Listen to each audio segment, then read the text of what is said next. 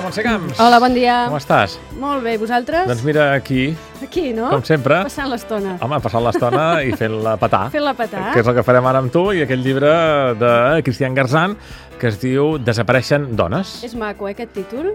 Que desapareguin Ai, m'encanta. dones no és Ah, maco. No és maco, però el títol en si és, és, és bonic. Sí. Desapareixen dones. Eh, obre una porta a veure què, què és el que passa Què exactament. passa, no? És com de misteri, ja. Sí, i com que estem a la BC Negra, Clar. doncs he pensat, portem-li al Jordi i a tots els oients un llibre que pot encabir-se dintre del gènere de novel·la negra, però que també traspassa bastant aquesta etiqueta.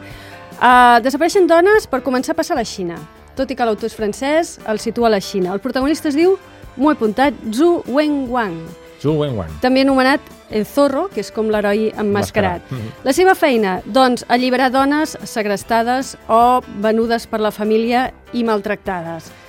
Uh, com et deia, situada a la Xina, també a Nova York, uh, on viatja en Wen Wang, uh Mhm. -huh. Wen Wang per Wang. trobar un dels dolents de la història. El protagonista és una mena de justicier, un, podríem dir el típic protagonista de novel·la negra, mig detectiu, un home dur que pega, Mhm. uh -huh. que ha de pagar, també hi ha una mica de mini-violència, mini, eh? Però al mateix temps també és un home doncs, em- sensible, amb un passat trist, un amor perdut, i s'hi barreja aquest, eh, aquest argument de novel·la negra amb un, una història doncs, més, eh, més profunda, més oriental, per dir-ho així, amb històries que es van intercalant, amb una mena de faules orientals, com per exemple mm, una que es diu La història de la barca i dels dos monjos, l'antiga història de Zhu Wenguang uh -huh. i la curtíssima història de Michel Chen i del gos Bellfang, déu nhi el gos vell fang, que a més a més representa suposadament que és la reencarnació d'un antic amic del protagonista que l'ajuda a trobar eh, un dels dolents de la història. També hi apareixen dones guapíssimes, així, mm, dones maltractades, però dones també molt maques, amb, així amb un to melancòlic. I a més a més també té una cosa molt divertida que també eh, a cada capítol ell et diu quina és la música que podries posar-li per anar-te'l- per anar-lo anar llegint, Per per, anar per llegint. exemple. Eh, capítol 5, acompanyament musical, El teixó del món Genkotsu, Uh -huh.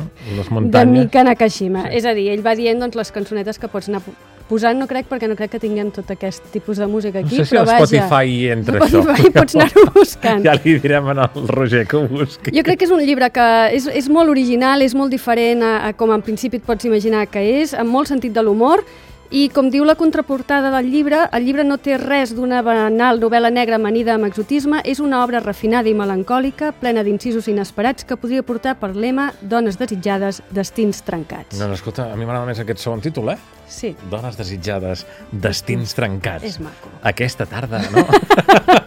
Bé, Montserrat, Club Editor, eh? Ho ha dit Sí. a Club Editor. doncs gràcies Molt i bé. ens el llegirem. Una abraçada. Adéu. Adéu.